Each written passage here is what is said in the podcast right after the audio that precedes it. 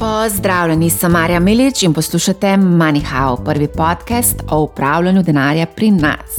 Preden gremo na današnjo epizodo, bi vas rada spomnila na našo delavnico investiranje v eh, delnice. Um, na hitro, za vse tiste, ki mogoče ste to spregledali, eh, delavnica se bo um, zgodila konec, v živo konec uh, septembra, 28. septembra.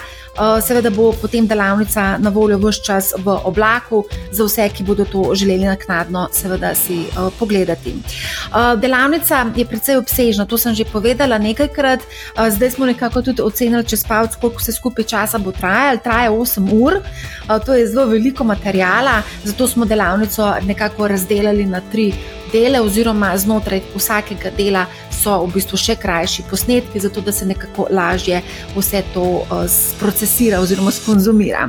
Skratka, uh, tako kot rečeno, v prvem delu bomo predstavili neke osnove, potem v drugem delu bomo šli malo bolj konkretno pogledati v, v, v korake nakupovanja, prodaje in podobno. Uh, v tretjem delu, ki bo pa malo bolj tak, še, še vedno zelo praktičen del, je pa seveda kako v bistvu formirati portfelj portfelj in vključiti v bistvu same delnice, ETF-e in seveda druge naložbe, da bo vse skupaj zelo smiselno. Kot rečeno, delavnica je narejena na praktičen način, je narejena na način, da v bistvu lahko vsak relativno enostavno razume, skonzumira, predela in pa seveda potem tudi uporabi v praksi.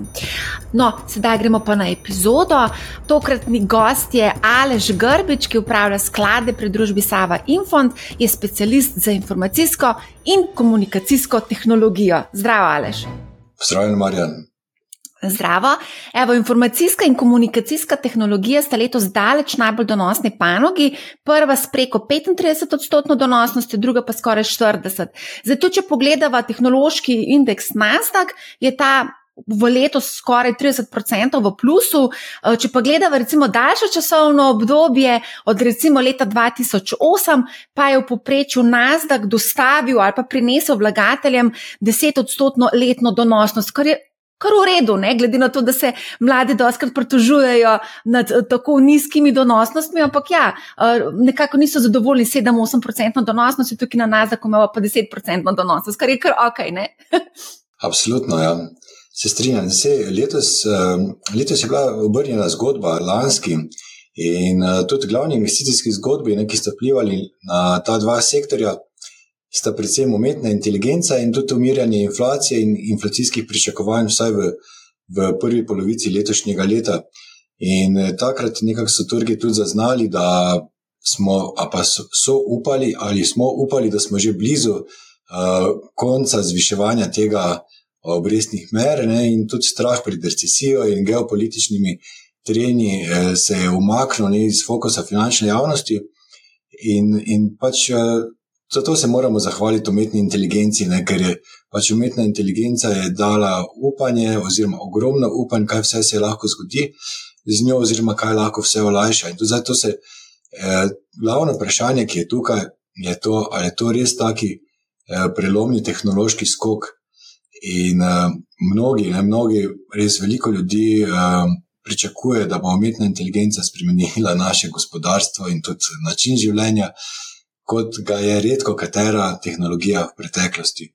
In tudi sam uh, trendsetter, kot, ga, kot se rad imenuje Bill Gates, ne, ki je ustanovitelj Microsofta, dokaj kontroverzna osebnost zadnjih nekaj let, uh, primerja primerja uh, umetno inteligenco s tehnološkimi priboji, kot so recimo mikroprocesor ali pa umetni računalnik, internet, ali pa tudi uh, mobilni telefon. In tudi na začetku je nekako izgledalo, da pač mogoče umetna inteligenca, da je usmerjena uh, pač na določene, bi rekel, ože segmente, ampak uh, videli smo, ne, da lahko odpravlja uh, komunikacijske ovire med ljudmi in stroji kar je, kar je res eh, ogromen napredek in tudi eh, zelo verjetno bo imela zelo visoke makroekonomske učinke. In tudi, če bo nekako ta razvoj skladen s pričakovanji, bo podjetjem prineslo ogromne prihranke preko hitrega pospeševanja nekih automatiz avtomatizacijskih nalog, oziroma birokracije bo občutno manj, in posledično bomo imeli nižje stroške in višjo produktivnost. In zdaj Absolutno, ne se, dokler ljudje niso sprobali tega četa GPT-ja, uh, tega navdušenja, takega navdušenja ni, ni moglo biti. In potem, ko ljudje sprobajo, vidijo, kaj vse jim omogoča, tudi tista, tista uh, zastojnska različica, uh, če mu daješ tako imenovane ustrezne prompte, res lahko naredi čudeže. In uh, tudi, če si zelo prijazen do te različice uh, in jo spodbujaš, uh, jo opozarjaš, naj ne hiti preveč, res lahko da zelo, zelo dober izdelek, oziroma tvoj, po tvojih navodilih. Ampak, če tvoja navodila niso kvalitetna, tudi izdelek ni kvaliteten. Ja, mislim, da um, umetna inteligenca že spremenja naša življenja. Tudi sama, kar predvsej uporabljam v svojem poklicu, pri svojem delu, zelo veliko uporabljam umetno inteligenco, chat GPT in tudi druga urodja. Ja, to, kar si pa povedal na koncu, je pa ključno. V bistvu je vse spet v rokah posameznika in tega, koliko je sposoben dati kvalitetna navodila. Točno tako, ja. Um, a ti tudi pri svojem delu uporabljaš umetno inteligenco? Mogoče za kakšne bolj poenostavljene stvari, pa kot pripomoček, e, pa orodje, e, ki ti olajša določene stvari, ampak gre za to zastonsko različico, ki, pač, ki ima zgodovino, dosti, ni, do konca leta 2021 in pač kot hec, ne, da vidiš, kaj, kaj vse se da narediti. Ja, jaz tudi mislim, da pri investiranju nam lahko malce pomaga, je GPT, za stonska in plačljiva verzija. Aj, a greva zdaj mogoče pogledati glavne igralce v tej panogi? Jaz sem zdaj nekako ločila komunikacijsko pa informacijsko pač to tehnologijo. Iz komunikacijske tehnologije tukaj v ospredju definitivno Meta 150 odstotna donosnost v letošnjem letu, Google 50 odstotno, Netflix je tudi skočil za 30 odstotno. 30%, Activision Blizzard je zdaj itak zelo aktualna zgodba, 23% je pridobil v letošnjem letu. Activision je zanimiv tudi zaradi samega Microsofta, ki naj bi družbo prevzel. Ne? Ja, absolutno. Ja, sej, v tem samem uh, sektorju uh, komunikacijske, uh, komunikacijskih storitev predstavljata Google, Google oziroma Alphabet in uh, Meta, uh, prejšnji Facebook, več kot polovico, oziroma okoli polovico celotnega sektorja. In če pogledamo, da meta okoli 150 odstotni donos, Google okoli 50 odstotni donos, potem, potem pridobimo, dobimo tudi ostale naložbe iz tega sektorja, niso bile tako donosne, niti blizu, ampak mhm. zato, zato tako visoka donosnost tega sektorja. Uh, sigurno uh, je, je meta, ne, meta je bil uh, nekako vlagatelji, ga niso, ga niso želeli imeti v, v svojem portfelju nekje novembra, mislim, da je kotirala pod 100 dolarjev, zdaj okoli 300, 300 dolarjev. In uh, sigurno to navdušenje in pa tudi ogromno teh naložb, ki so naredile visoke donose v letošnjem letu, so, uh, je lansko leto bilo ravno, ravno obratno ne? in so bile 50 ali več odstotkov niže kot, kot so sedaj. In zdaj to glavno navdušenje in tudi pričakovanje glede monetiz monetizacije umetne inteligence je pognalo te tečaje v, v višave.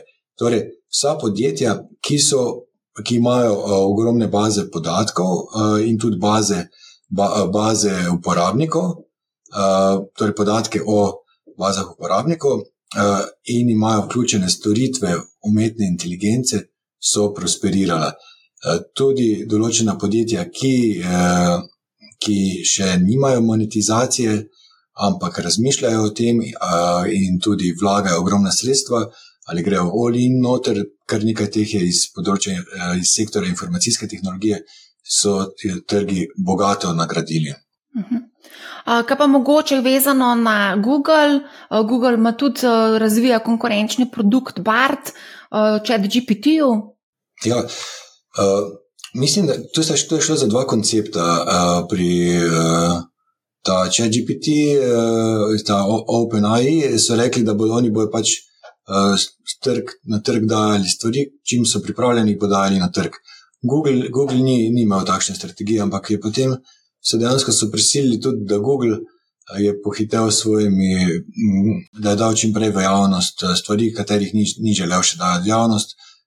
Želeli so počakati, ampak Google je sigurno eno izmed podjetij, ki, ki je tukaj naj, najdlje skupaj z, z tem OpenAI-jem in eh, pa, pa Microsoftom. Eh, pa, pa potem tudi še, še ena stvar je, da marsikdo, mm, ne ve, da je precej podjetij iz sektorja informacijske tehnologije že več kot desetletja investira v umetno inteligenco, da ima ogromno storitev, ki uporabljajo umetno inteligenco, in, in dejansko so vsi ti veliki so pripravljeni na, da, na monetizacijo umetne inteligence v, v svojih storitvah. Uh mhm. -huh. A greva mogoče zdaj na informacijsko tehnologijo, tukaj stopa Nvidia 188 odstotna donosnost v letošnjem letu, kar je res neverjetno, Palos Alto 62, Salesforce 56, Adobe 52, to so take zelo lepe donosnosti v letošnjem letu. Absolutno. In tudi ne smemo pozabiti, da tudi uh, Microsoft in Apple, uh, prvi nekje okoli 34, drugi okoli 35 odstotkov, je zelo, zelo lep donos in oba dva sta zelo močno vključena v, v umetno inteligenco.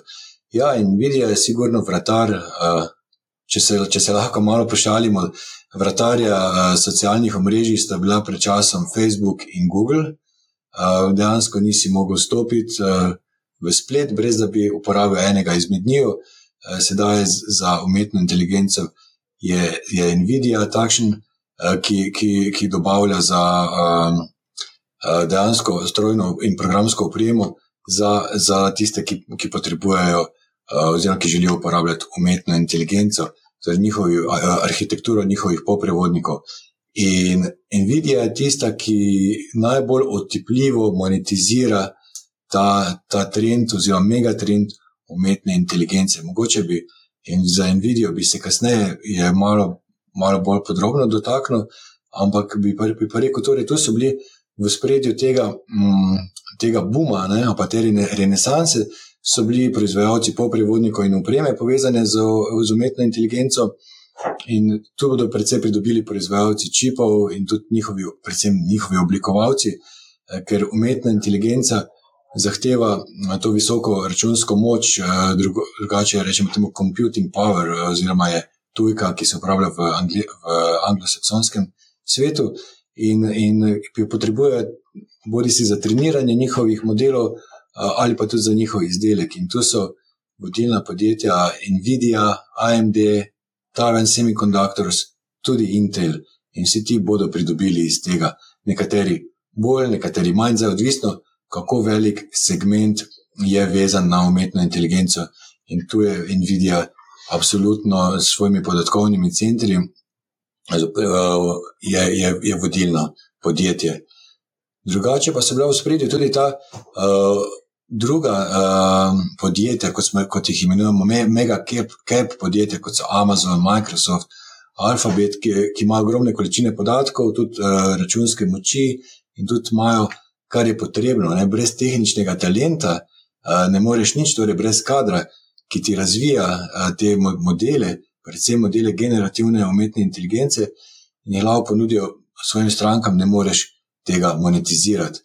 In, in tudi, ja, Microsoft je tu bil en prvih, ki je ponudil generativno umetno inteligenco k vsem, k vsem svojim storitvam. Mhm. Um, a gremo mi, da mogoče vse malo nazaj na Nvidijo. Mar se kdo se na tej točki zdaj sprašuje, je delnica pridobila 188 odstotkov. Na mar se kdo se sprašuje, koliko je tu še prostora za rast. Bi rekel, da je delnica precenjena, a je še prostor za rast. Ja, to je odvisno od tega v kateri scenarij rasti verjameš. Uh, ključna, ključna predpostavka je ta, ali verjameš, da so to samo enkratni nakupi, torej eh, samo enkratne investicije vseh, ki potrebujejo njihovo opremo za, za, za uh, poslovanje v oblaku, ali pa to per, permanentni nakupi in pa torej ponavljajoči se nakupi. In uh, to je pač odgovor, teči v tem, ne? ampak so pa njihovi rezultati pa res, res so fenomenalni. Oni so pač vodilni dobavitelj teh pospeševalnikov umetne inteligence za ponudnike poslovanja v oblaku. In, in to pomeni, Eh, bodi si Microsoft, bodi si Amazon, Google, brez njih ne, more, ne morejo. Ne? In eh, njihovi prihodki so v, v drugem četrtletju so, so zrasli za 100 odstotkov, oziroma preko 100 odstotkov na letni ravni, glede na preteklo četrtletje za 88 odstotkov. In, in, je to, uh, in to je občutno nad pričakovanji, kar, kar so trgi pričakovali. In dejansko so oni prvi začeli za to agresivno monetizacijo. In tu je bilo tudi, si lahko videl, kaj, kaj pomeni ta preskok. In ključni, kot smo pa že prej omenili, da so ključni segmenti rasti, so podatkovni centri.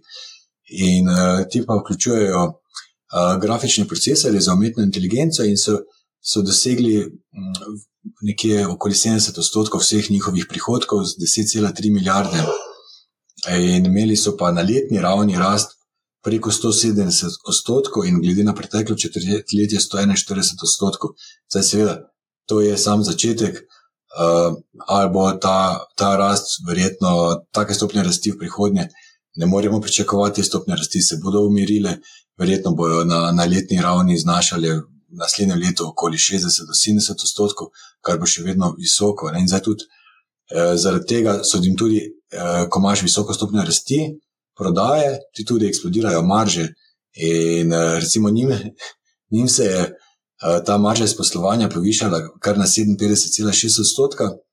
Uh, pričakovanja so bila uh, nekje, nekaj malo nad 40 odstotkov, in, in to, je, to je bil fenomenalen rezultat, in normalno je, da trgi preslavijo, preslavijo to, in tudi potem trgi lahko ekstrapolirajo te visoke stopnje rasti v prihodnost. Zdaj, odvisno, kako daleč prihodnost uh, pričakuješ te visoke stopnje rasti, takšno vrednotenje si narediš. In tudi za, nas, za naslednje četrtletje pričakujejo na letni ravni 170 odstotno rast.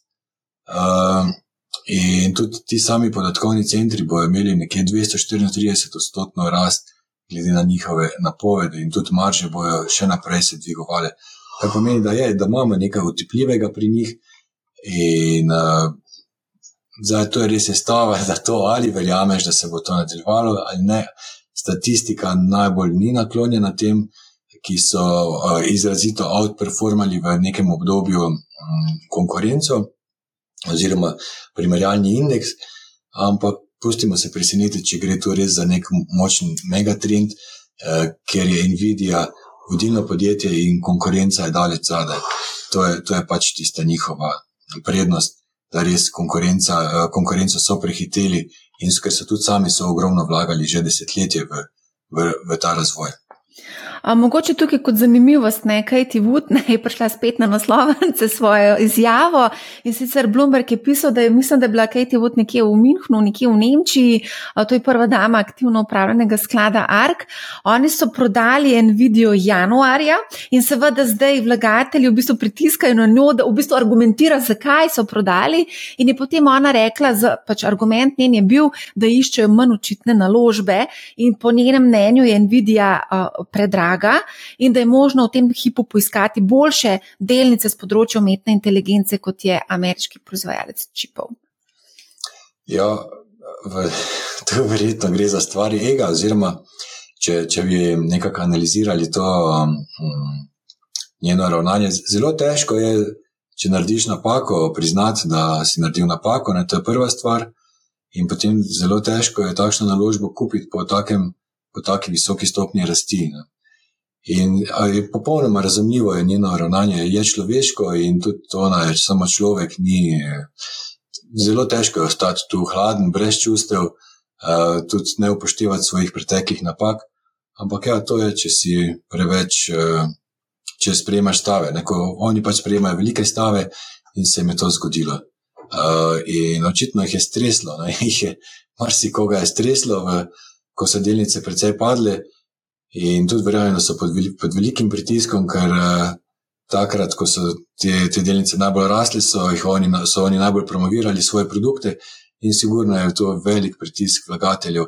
Tudi, uh, če se spomnimo, da je pro, promovirala naložbe, ki so bile povezane s kriptosceno, ki so verjetno, ki so, pa, ki so doživele ogromne pace.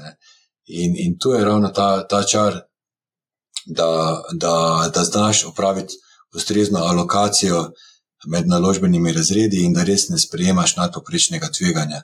Uh, tudi sam, recimo, sektor informacijske tehnologije prinaša določena tveganja, ampak ustvarja pa dobičke ne, in, in ustvarja uh, neke nove megatrende, ustvarja nove navade, olajša ljudem delo, uh, povi, prispeva k povišanju produktivnosti, učinkovitosti in tudi dejansko podaljšuje mogoče te cikle, eh, cikle eh, gospodarske rasti.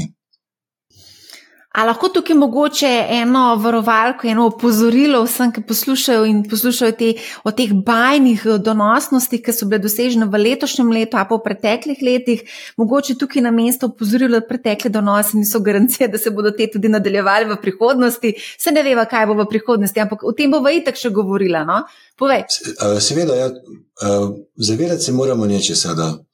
da vse, vse nekako teži k, k normalizaciji, tudi donosi, ne nekaj, kar je nadpoprečno, tja pride konkurenca, ker se donosi potem spustijo, oziroma zaslužki se znižajo. To je, to je ena stvar, ta, da konkurenca je sigurno, bo Nvidia se bo tudi soočila s konkurenco, kdaj, kdaj bo ta konkurenca postala dovolj močna, tega, tega ne vemo. Vemo pa, da, da, bo priš, da bo sigurno, da bo prišla, pa tudi vemo to, da, da človeški naravi je, da, da gre v ekstreme, gre v pretiran pohleb, gre v pretiran strah in tudi zato delnice po, po tako visoki stopni uh, rasti imajo potem tudi uh, dokaj močen padec. Zdaj uh, tisti, ki, ki uporabljajo tehnično analizo, radi, ra, radi merijo ta padec oziroma korekcijo m, mm, z, močjo, z močjo trenda. In zdaj, če bo marsikdo tudi uporabljal to Fibonaccieve kazalce, s tem si olajša, dokot, dokot, bo, dokot bo padel, dokot se bo popravil tečaj. Eh, tako da se ne bi čudil, če bi tudi bil kakšen 50-odstotni padec tečaja delnice Nvidia uh, v nekem trenutku, pa v nekem obdobju, uh, se ne, ne bi bil presenečen. Ampak sigurno je to priložnost, uh, da se takrat, da se ljudje izpostavijo, uh, če, niso, če niso tu izpostavljeni. Um, ja, absolutno previdnost je, je na mestu in tudi vedeti, kakšne, kakšni so deleži, oziroma kakšno alokacijo dajemo za tvegane naložbe. Ali ja, kakšen se... delež portfelja. Ja, zdaj sem se spomnila na en pregovor: If you can't stand the heat, get out of the kitchen. Pa mislim, da bi tudi Warren Buffett tisti, ki je v bistvu povedal, da ljudje, ki niso sposobni nekako prenesti 50 odstotnega upada tečajev, eh, da mogoče borza ni um, za nje. Uh, tako da, ja, kako si rekel, zdaj izpostavljenost, recimo konkretno do IT sektorja? V nekem, v nekem portfelju s poprečno, nagno, poprečno k tveganju nagnjenem vlagatelju za neko srednjeročno obdobje 5-10 let? Ja, sigurno daljše kot je obdobje, više je lahko izpostavljenost, ampak vedno, uh, vedno naj si vlagatelji spomnijo, kaj se je zgodilo z recimo sektorjem energije. Leta 2007, pa 2006, od 2005 do 2007, zelo opevan sektor, potem pa, ko je cena nafte šla iz 100 dolarjev, se je spustila do 60 dolarjev, dejansko vegetiranje tega sektorja. Zdaj mislim, da, da, da nekje so prišli na, na ničlo, vlagatelja pa nek minimalen donos, medtem ko je splošni trg dosegel zavidljive donose v, v tromestnih cifrah od leta 2007. Uh, torej, tromestni odstotki, več kot 100 odstotni donosi, In, in pač nauk je ta, da ne, ne, vlagaj, uh, ne vlagaj vse v en sektor, uh, samo osebno, pač odvisno od tveganja, kakšno imaš. Sigurno pa, če si izpostavil okoli 20 odstotkov, ni naredil nič narobe, toliko je pri, približno primerjalnem indeksu, tisti, ki so bolj agresivni, lahko več, ampak, ampak seveda dolgoročno, dolgoročni pogled, če je pogled deset let ali več, potem res ni, ni, ni, strah, ni strahu, ampak vseeno med pravo mero pri tej izpostavljenosti. Ja, glede na tveganje, kako si ga pripravljen oziroma sposoben nekako prenesti, vsi nekako precenjujemo mogoče to našo nagnjenost k tveganju. Se mi zdi, da marsikdo reče, ja, v tem zanosu rasti, ja, ja jaz lahko shendlam tudi 50-60% upad, ampak polka pa pride dejansko do tega, potem se pa pokaže v bistvu, da mogoče nismo bili Absolutno. Se, to, to je ena tako lepa, mm, oziroma uh, nekaj, nekaj anegdoti, ampak ena, ena najbolj enostavna je, da, da zastojno kosila na, na finančnih trgih ni. In da če želiš res precej zaslužiti, moraš prej precej trpe, trpeti. Ogromno trpljenje mora biti. In, in tisti, ki je to sposoben, tisti bo lahko tudi precej zaslužil. Uh, s tem ne pozivam ljudi, da naj kupujejo naložbe, ki, ki, ki imajo visoke pace, ampak sami se držajo bolj, bolj teh naložb, ki so pre, preverjene naložbe, vodilna podjetja. In tudi, ko pride do korekcije, pa ko pride do pasa, videli smo lani, informacijska tehnologija je imela lani minus 33 odstotni donos ne? in so bile dobre, lepe priložnosti za nakupe. In to pomeni, da če mi, mi uh, radi tudi rečemo, marsikdo gre na razprodaje kupiti oblačila, kolesa, avtomobile. In zakaj ne bi tudi na razprodajah kupovali delnic? Um, Vse se ne spremeni s poslovnim, če se s poslovnim modelom tistih podjetij nič ne spremeni, pa če ni strukturnih težav, z veseljem kupite te delnice. Ja, veš, kako je Jana. Jaz mislim, da tukaj pa tudi zelo velik vpliv medijev. Moram iskreno povedati, zaradi tega, ker ko se dogaja nek hype, ne, takrat mediji vsi pišajo na vseh možnih naslovnicah, je AI, je kripto, je ne vem, vse naložbe, ki prinašajo neke nadpoprečne donose. Ampak ko medije pridejo z te zgodbe, moramo po moje kar vedeti, da smo že zakrivuli oziroma da smo mogoče zamudili ta vlakne. Medtem ko poražencih, o poražencih se pa ne govori tako pogosto, oziroma na, na dolgo in široko. Ne? Ja, ja sigurno mediji so lahko neki indikator uh, uh, odraza psihologije, ne? pa mediji tudi potencirajo psihologijo. Uh, Dobro, nekateri so bolj realni, drugi, drugi manj, ampak, ampak je lahko nek indikator, sigurno pa se tudi lahko pomagajo vrčevalci z indikatorji strahu, na spletu, mislim, ki so zastojni in v tem uh, ekstremnem obdobju strahu uh, lahko izkoristijo sebi vprit uh, ta, ta moment. Ne. Ampak seveda, ob upoštevanju obladovanja tveganj, da ne grejo na kredit, ne, pa, pa kupijo, kupijo recimo, kripto na kredit in potem kripto pade še 50 odstotkov, je katastrofa. To je, to je recept za bankrot. Um, Zdaj, prosim, izogibajte se z vodo, res v manjšem, v manjšem deležu. Ja, zdaj, zdaj si omenil že dvakrat kripto. Gremo mogoče na MicroStrategy, ki uh, smo ki tudi beleži lepe uh, rasti, letos 130% na rast. Se mi zdi, da ko gre Bitcoin gor, ne, se nekako tudi odbijajo te delnice oziroma podjetja, ki nekako so uh, glavni na tem področju uh, kriptoscene. Ja, uh, ta MicroStrategy dejansko je izdajal obveznice, ki, s katerimi je kupoval potem Bitcoin, oziroma sredstev, katera so pridobili iz obveznic, so kupovali Bitcoin, kar ni najbolj pametna, pa najbolj modra odločiteitev. In menda je nekje okoli 16 tisoč dolarjev, če, Bitcoin, če padeš Bitcoin na 16 ali pa okoli 15. Ima MicroStrategy margin call, ne? to pomeni, da bo, pa, bo skoraj ostal brez vsega, razen če če uspe povečati uh, delež eh, kapitala, torej lastniškega kapitala z dokapitalizacijami. In to, si, vem, no, to je pač odločitev, odločitev njihovega CEO-ja, in sigurno strategija ni, ni najbolj modra. Uh, Večjemu s določenimi presežki lahko vlagaš v ta premoženski razred, kot je, kot je kripto, verjetno ne, ni smiselno več kot 5%, 5 premoženja. Mi dva smo pogledala tudi preostale panoge, ki so v bistvu bile letos uh, kar precej donosne. Uh, energetika je tudi med njimi, ni sicer najbolj donosna panoga. Sam sekundo moram prav pogledati, kakšna je bila letošnja donosnost. Tudi um, jaz tudi mogoče pomagam, no. okoli 8 odstotkov letos. Ampak zanimivo je, to, ko smo govorili o teh, ki so najbolj zrasle, ne, so imeli v enem v zadnjem mesecu okoli 5 odstotni padec uh, informacijske tehnologije. Ne, uh, energija pa je ravno v zadnjem mesecu zrasla za 4 odstotke. Seveda, tu, tu imamo, uh, torej kaj, kaj poganja energijo, pa kaj straši tehnologijo, obrestne mere. Ne?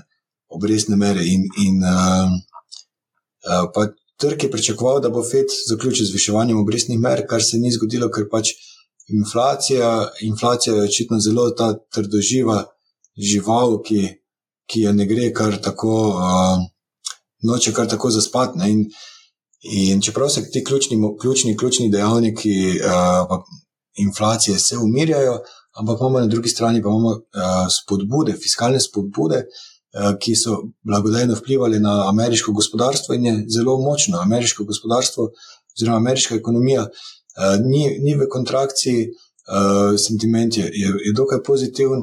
In to je tisti razlog, zakaj mora Fed, biti, Fed ostati še vedno agresiven, torej ne tako agresiven, kot je, kot je bil pred letom dni, ampak ne more, ne more dati predaha pri, ne more, vlagatelji pač ne morejo praznovati, da, da smo že mimo glede poviševanja obrestnih mer. In, se pravi, se bo to in, še nadaljevalo? In, in to je tisto, kar, kar nekako straši uh, vlagatelje, tudi v informacijsko tehnologijo. Čim cena nafte zraste, kar smo sedaj smo bili priča, uh, rasti cene nafte, uh, ja, to nekako negativno vpliva. Ko pa se te novice omaknejo iz, naslov, iz naslovnic, pa začne delovati domišljija vlagateljev, kje vse lahko pomaga umetna inteligenca, kaj se bo dogajalo s profitnimi maržami na dolgi rok podjetjem, in uh, vlagatelji postanejo optimistični. Ne? Kako, kakšno je tvoje mnenje glede dvigovanja ključnih obrestnih mer, na kako to vpliva na kar precej stvari? Ne? A to se bo še nadaljevalo, kako vidiš politiko Feda? Ja, zdaj, trenut, trenutno zgleda, da, da Fed uh, namerava pustiti obrestne mere visoke za daljše obdobje. In uh, to kljub temu, ne, kot smo rekli, da se, da se inflacija, da se umirja in te ključ, ključne komponente uh, inflacije so se umirile, ampak, ampak uh, ekonomija je dokaj močna in zato, zato ne morejo, zato ne morejo uh, obrestnih mer uh, spustiti. Ne. In tudi uh, moramo vedeti, iz časa COVID-a je bilo ogromno fiskalnih spodbud. Ne.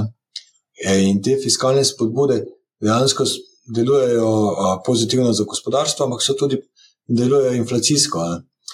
E, in tudi uh, večina udeležencev, tudi sam povem, da sem tudi mislil tako, da, je, da, je, da je, smo mislili, da je FED nekako zaključil z dvigi obrestnih mer, ampak uh, se verjetnost uh, novih dvigov povišuje ravno, ravno zaradi tega, kar sem prej omenil. Mm. In, uh, in vem, mogoče bomo tudi pričali za kakšnemu večjemu popravku na zdol ali pa ne, ampak dejansko s tem market timingom se toliko ne ukvarjamo, ampak izkoriščamo, če so neki večji paci, da, da, da, da takrat uh, se izpostavimo do določenih naložb.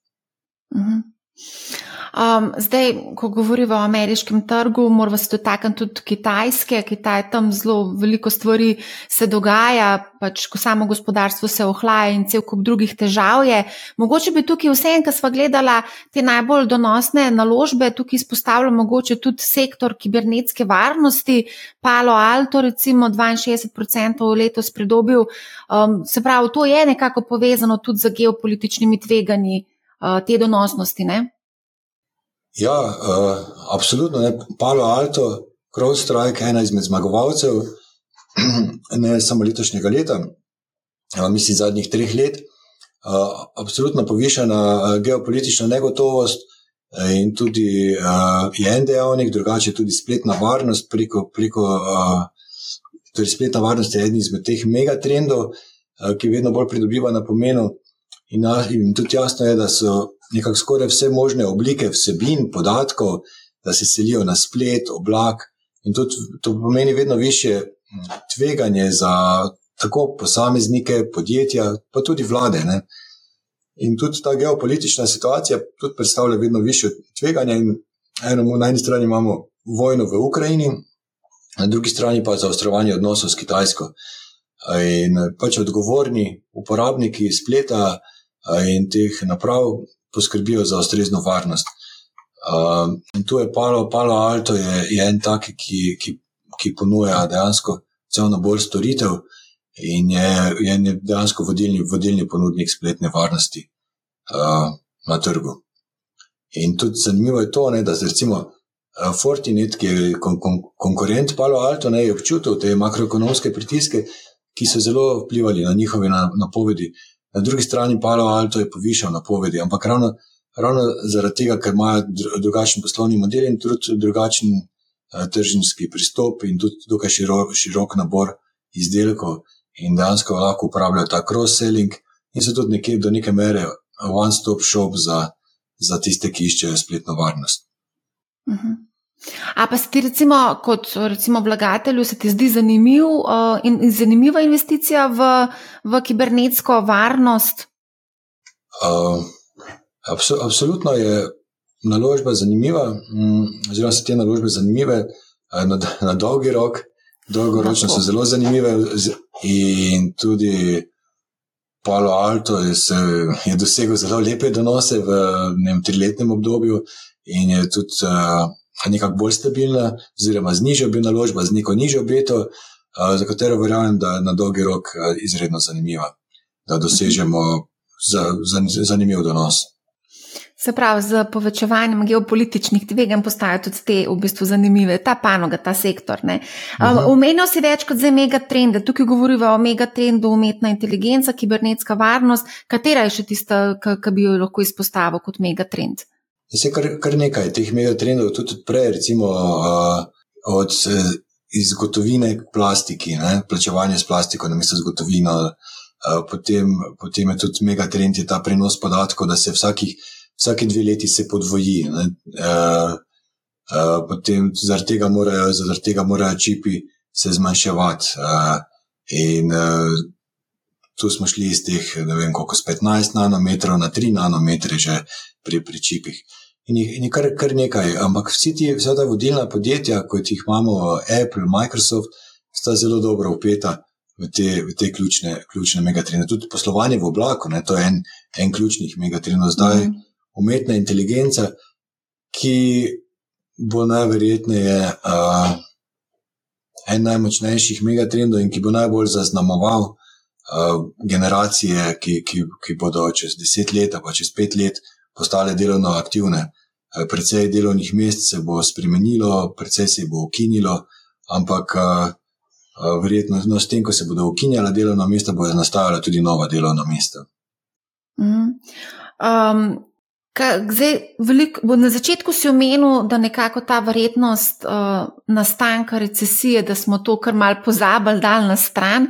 Danes sem pogledala 12-mesečna napoved, kaže za evroobmoče 50-odstotno verjetnost uh, nastanka recesije, v ZDA pa 60-odstotno. Kaj je zdaj s to recesijo? Zdaj že res dolg časa čakamo, a bo ali ne bo. ja, se to, to je kar, o tem lahko kar dosti. Uh, povem, mm, dobro, bom prav čim krajši biti, ampak okay, imamo, uh, imamo zanimiv moment, ravno zaradi teh fiskalnih spodbud, ki so, ki so trajale dalj časa. Uh, in zato obrestne mere nekako delujejo z, z zamikom. Uh, mislim, da te fiskalni, fiskalni ukrepi, sprejeti med COVID-om, so tisti, ki blažijo, ki blažijo učinkovanje teh visokih obrestnih mer. In tudi, verjetno bo trajalo precej, precej dalj časa do recesije, kot je, kot je neki konsens. In tudi zelo verjetno se bomo težko izognili, ampak moramo vedeti, da recesija ni nič slabega. Ne? In to, kot sta dan in noč in letni časi, sta konjunktura in recesija se, se izmenjujeta, ampak dejansko politiki se bojijo recesije in, in pač posegajo po pritiskih po centralnih bankah, da, da delajo te eksperimente z, z ekscesno nizkimi obrestnimi merami.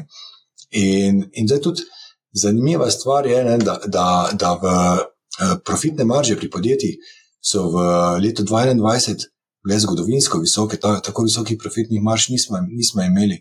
In tudi ostale so neverjetno visoke, tudi še v zdajšnjem obdobju, ker pre, eh, ker precej teh prihrankov, ki, ki so jih, se jih podjetja naučila uh, iz časa dela od doma, pa iz časa COVID-a oziroma pandemije.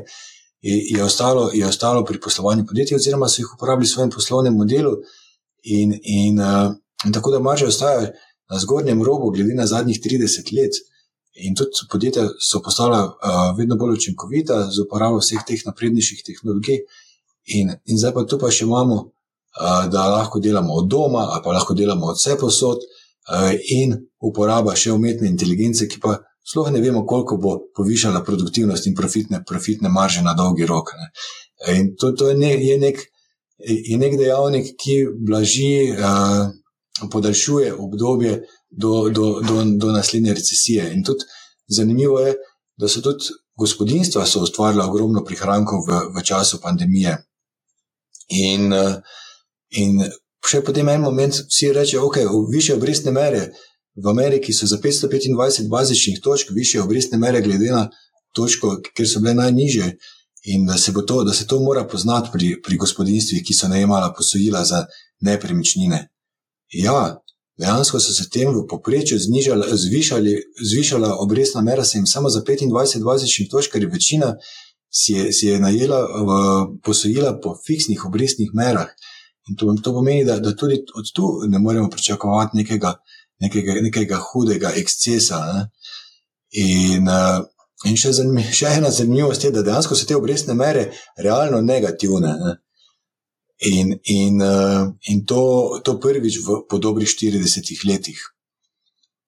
In zdaj, in zdaj te, težko, težko je reči, da okay, vsi pričakujejo recesijo, kdaj bo eh, nekakšna nervoza, je, ker se čaka, recesije pa še ni. Ne, ampak moramo pa tudi to vedeti, da FED ni nikoli napovedal recesije. Uh, in tudi ta, uh, ta izraz soft landing ne, se, se med investitorji uporablja, uh, pa tudi med temi odločevalci, ne, da tik prednjem gospodarstvu začne do, doživljati težave. Ne, zato je te, te napovedi FED-a kot, kot nekega leading indikatorja, treba pač s nekim zadržkom uh, upoštevati. Uh, še posebej, če vemo, da bodo čez šest mesecev oslabile te fiskalne spodbude in takrat bo vpliv, restriktivnejše monetarne politike prišel do izraza. In, in takrat, sigurno, lahko pričakujemo veliko večje pritiske na gospodarstvo in tudi na ohlajanje gospodarstva. Zdaj, ti kot upravljalec premoženja, se verjetno bi ko razpoložen, mislim, moraš biti po defaultu.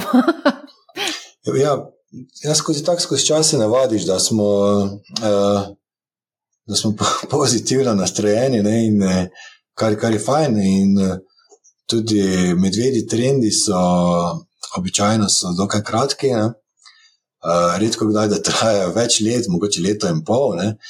In zdaj, če pogledamo malo statistiko, recimo, kaj pravi 70-letna statistika uh, gibanja delniškega indeksa, ameriškega delniškega indeksa SP 500, in tudi nam pove, ne, da so korekcije in medvedji trgi nekaj normalnega. In pač to je dobro za vlagatelje, da se zapomnijo, da pet ali več odstotni padec se poprečno zgodi trikrat na leto, ne. deset odstotni padec ali več enkrat na leto. 15-odstotni padec se, ali pa več se zgodi enkrat, samo enkrat na tri leta. In 20 eh, ali več odstotni padec se pa zgodi samo enkrat na šest let. Zdaj, če, če upoštevamo to statistiko in uh, pogledamo, da v času COVID-a smo imeli okoli 50 odstotni padec, uh, pa zdaj, uh, lani, tudi kar visok padec, um, potem verjetno nekih hujših padcev mogoče ne bo, ne? Ampak, ampak jaz se s tem preveč ne ukvarjam. Ne? E, ker vemo, da na dolgi rok trgi rastejo in, in te pač to nadaja z neko, z neko mirnostjo, in da tudi takrat, ko pride do teh pacev, da ostaneš miren, da ne razprodaš portfelja, tako kot marsikdo, ki dobi margin call ali pa jih strese, jih lastniki vprašajo, kaj, kaj se dogaja, ko ne, ne moremo več potrpeti te izgube, ampak pač ne poznajo narave, narave delniških trgov, da, da, se, da se gibljajo v obe smeri in da so paci dosti bolj agresivni, kot pa, kot pa je rast. Um, zdaj, zdaj, danes smo se pogovarjali več o manj o res konkretnih uh, imenih, konkretnih delnicah. Um, glede na to, da pripravljamo na Manihau delavnico investiranja v delnice, pa me zanima z tvojega vidika kot upravljalec premoženja, kako izbiraš delnice. Recimo, kaj je pri tebi relevantno, ko v bistvu nekako se odločiš, da boš dal neko delnico v sklad. Vem, da ste, nek, da ste omejeni, ampak v redu. Povej mi, kaj je tisto, kar tebe pritegne. Uh, ne, sigurno je. Zdaj, mi, mi pač pokrivamo, naš proces je razdeljen, da pokrivamo vsak, eh, recimo, dva sektorja, ali pa nekdo manj, če ima še druge obveznosti. In, in eh, potem tam v tem sektorju pogledaš, če so podsektori, ki nimajo strukturnih težav, to je, to je super. Potem je super, če se nahaja v nekem megatrendu, enem ali večjih. Potem se, potem eh, se pogleda tudi, kakšen je konkurenčni položaj, ali ima izrazite konkurenčne prednosti, ali ima samo konkurenčne prednosti, in ali sploh nima konkurenčnih prednosti in tudi uh, kakšen bo njihov konkurenčni položaj v prihodnje. Uh, sigurno te zanima, ali so, ali so inovator, koliko vlagajo v uh, raziskave in razvoj, kakšen delež prodaje namenijo tja. Uh, Ali je, je mogoče premijski razred njihov produkt, ali imajo produkte v premijskem razredu, ali imajo v budžet razredu, ali, imajo, ali pokrivajo oba segmenta. Uh, kakšne, kakšne finančne pogoje lahko dajo svoje stranke, kakšen je servis, kakšna je, uh, kakšna je stopnja, uh, ko se stranke vračajo, uh, vračajo nazaj.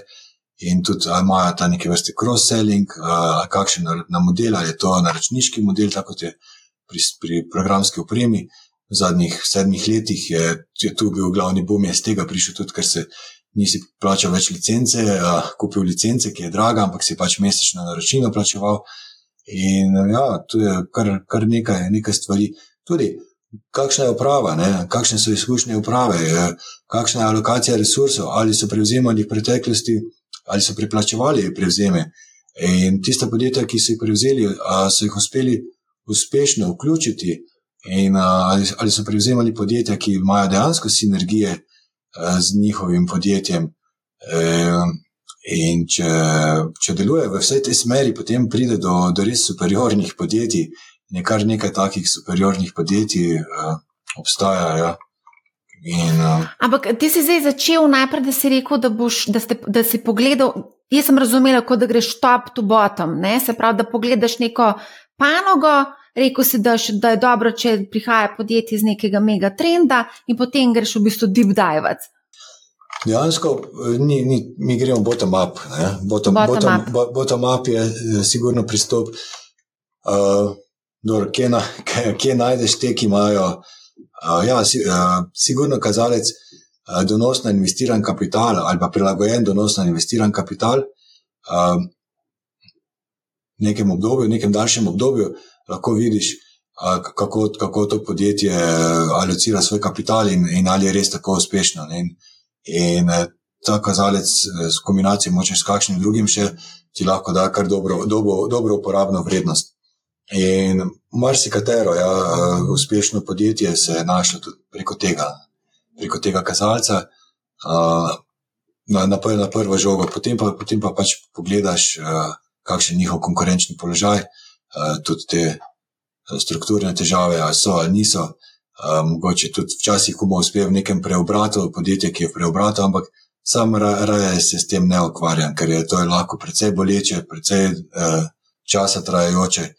Izogibam se izredno nihajnim naložbam, uh, ki so kot nek srčni utrip, uh, narediš intervalni trening, naj gre na 170, pade na, pade na 100 in potem nazaj gor, ne to, takšne naložbe si ne, načeloma ne želimo. No. No, le, ki si, si omenjaš ta intervalni trening, pa uh, te nihajne naložbe, zdaj, ko sva rekla, da MicroStrategy pa Bitcoin, da sta nekako usklajena, ko gre ena zadeva gor, gre še druga zadeva gor.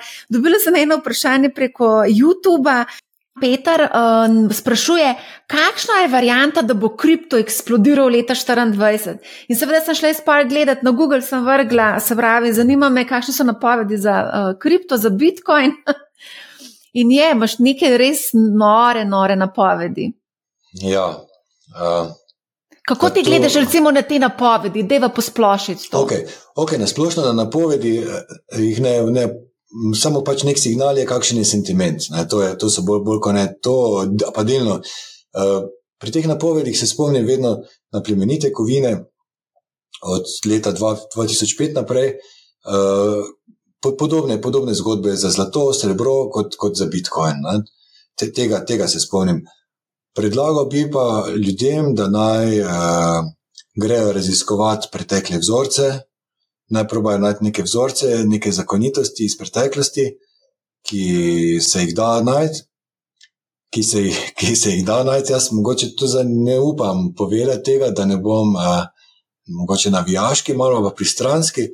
Uh, če se bo zgodovina ponovila, bi lahko bili nagrajeni. To, to samo lahko rečem, če se bo zgodovina ponovila. Ampak drugače pa si naj ljudje sami pogledajo pretekle vzorce, mogoče povezane tudi z, z Bitcoin halvingom. To je to, kar bi zdaj upal, upal reči. Kaj več pa ne bi, ne bi želel, da, ne bom, da me ne bo nekdo rekel, da dajem napovedi. Uh, ker pa nikoli, potrebno pa je to povdariti, da, da kriptosvet nikoli ni imel opravka z naraščajočimi obrestnimi merami. In v primeru, da, ostanejo, da, da, pa, da se zvišajo obrestne mere nekje na 7 odstotkov ali še več, uh, potem bojo, sigurno, absolutno bojo zanimivi depoziti, zanimive bojo državne obveznice. Nekdo, ki je prej iskal donos, nekaj 3, 3 do 5 odstotkov in jih ni mogel dobiti uh, v državnih obveznicah, depozitih v prejšnjih teh kripto, kriptopoletjih, uh, bo, zdaj, bo, bo zdaj imel alternativo, ne? zdaj ima alternativo. In, uh, in to sigurno je neko, neko breme za ta, za ta trg, da bo, da bo lahko preseglo preseglo, um, da se bo zgodovina ponovila. Ampak, če se bo ponovila, bo, bo verjetno pač neka blaznost, ne, kot ljudje. Takrat pač je treba pobegniti uh, ven, ne, izkoristiti tisto blaznost sebi, priti in se omakniti. To je, to je ta recept. Uh, običajno, pa če gledaš grafe, če preučuješ več kot 12 mesecev, ta blaznost ne traja, pa tu nekje plus minus. Uh, dva meseca, dva, tri mesece, ampak takrat, takrat se je treba omakniti ja. in se zahvaliti to, kar, kar ti da. Uh, in to je to, ja.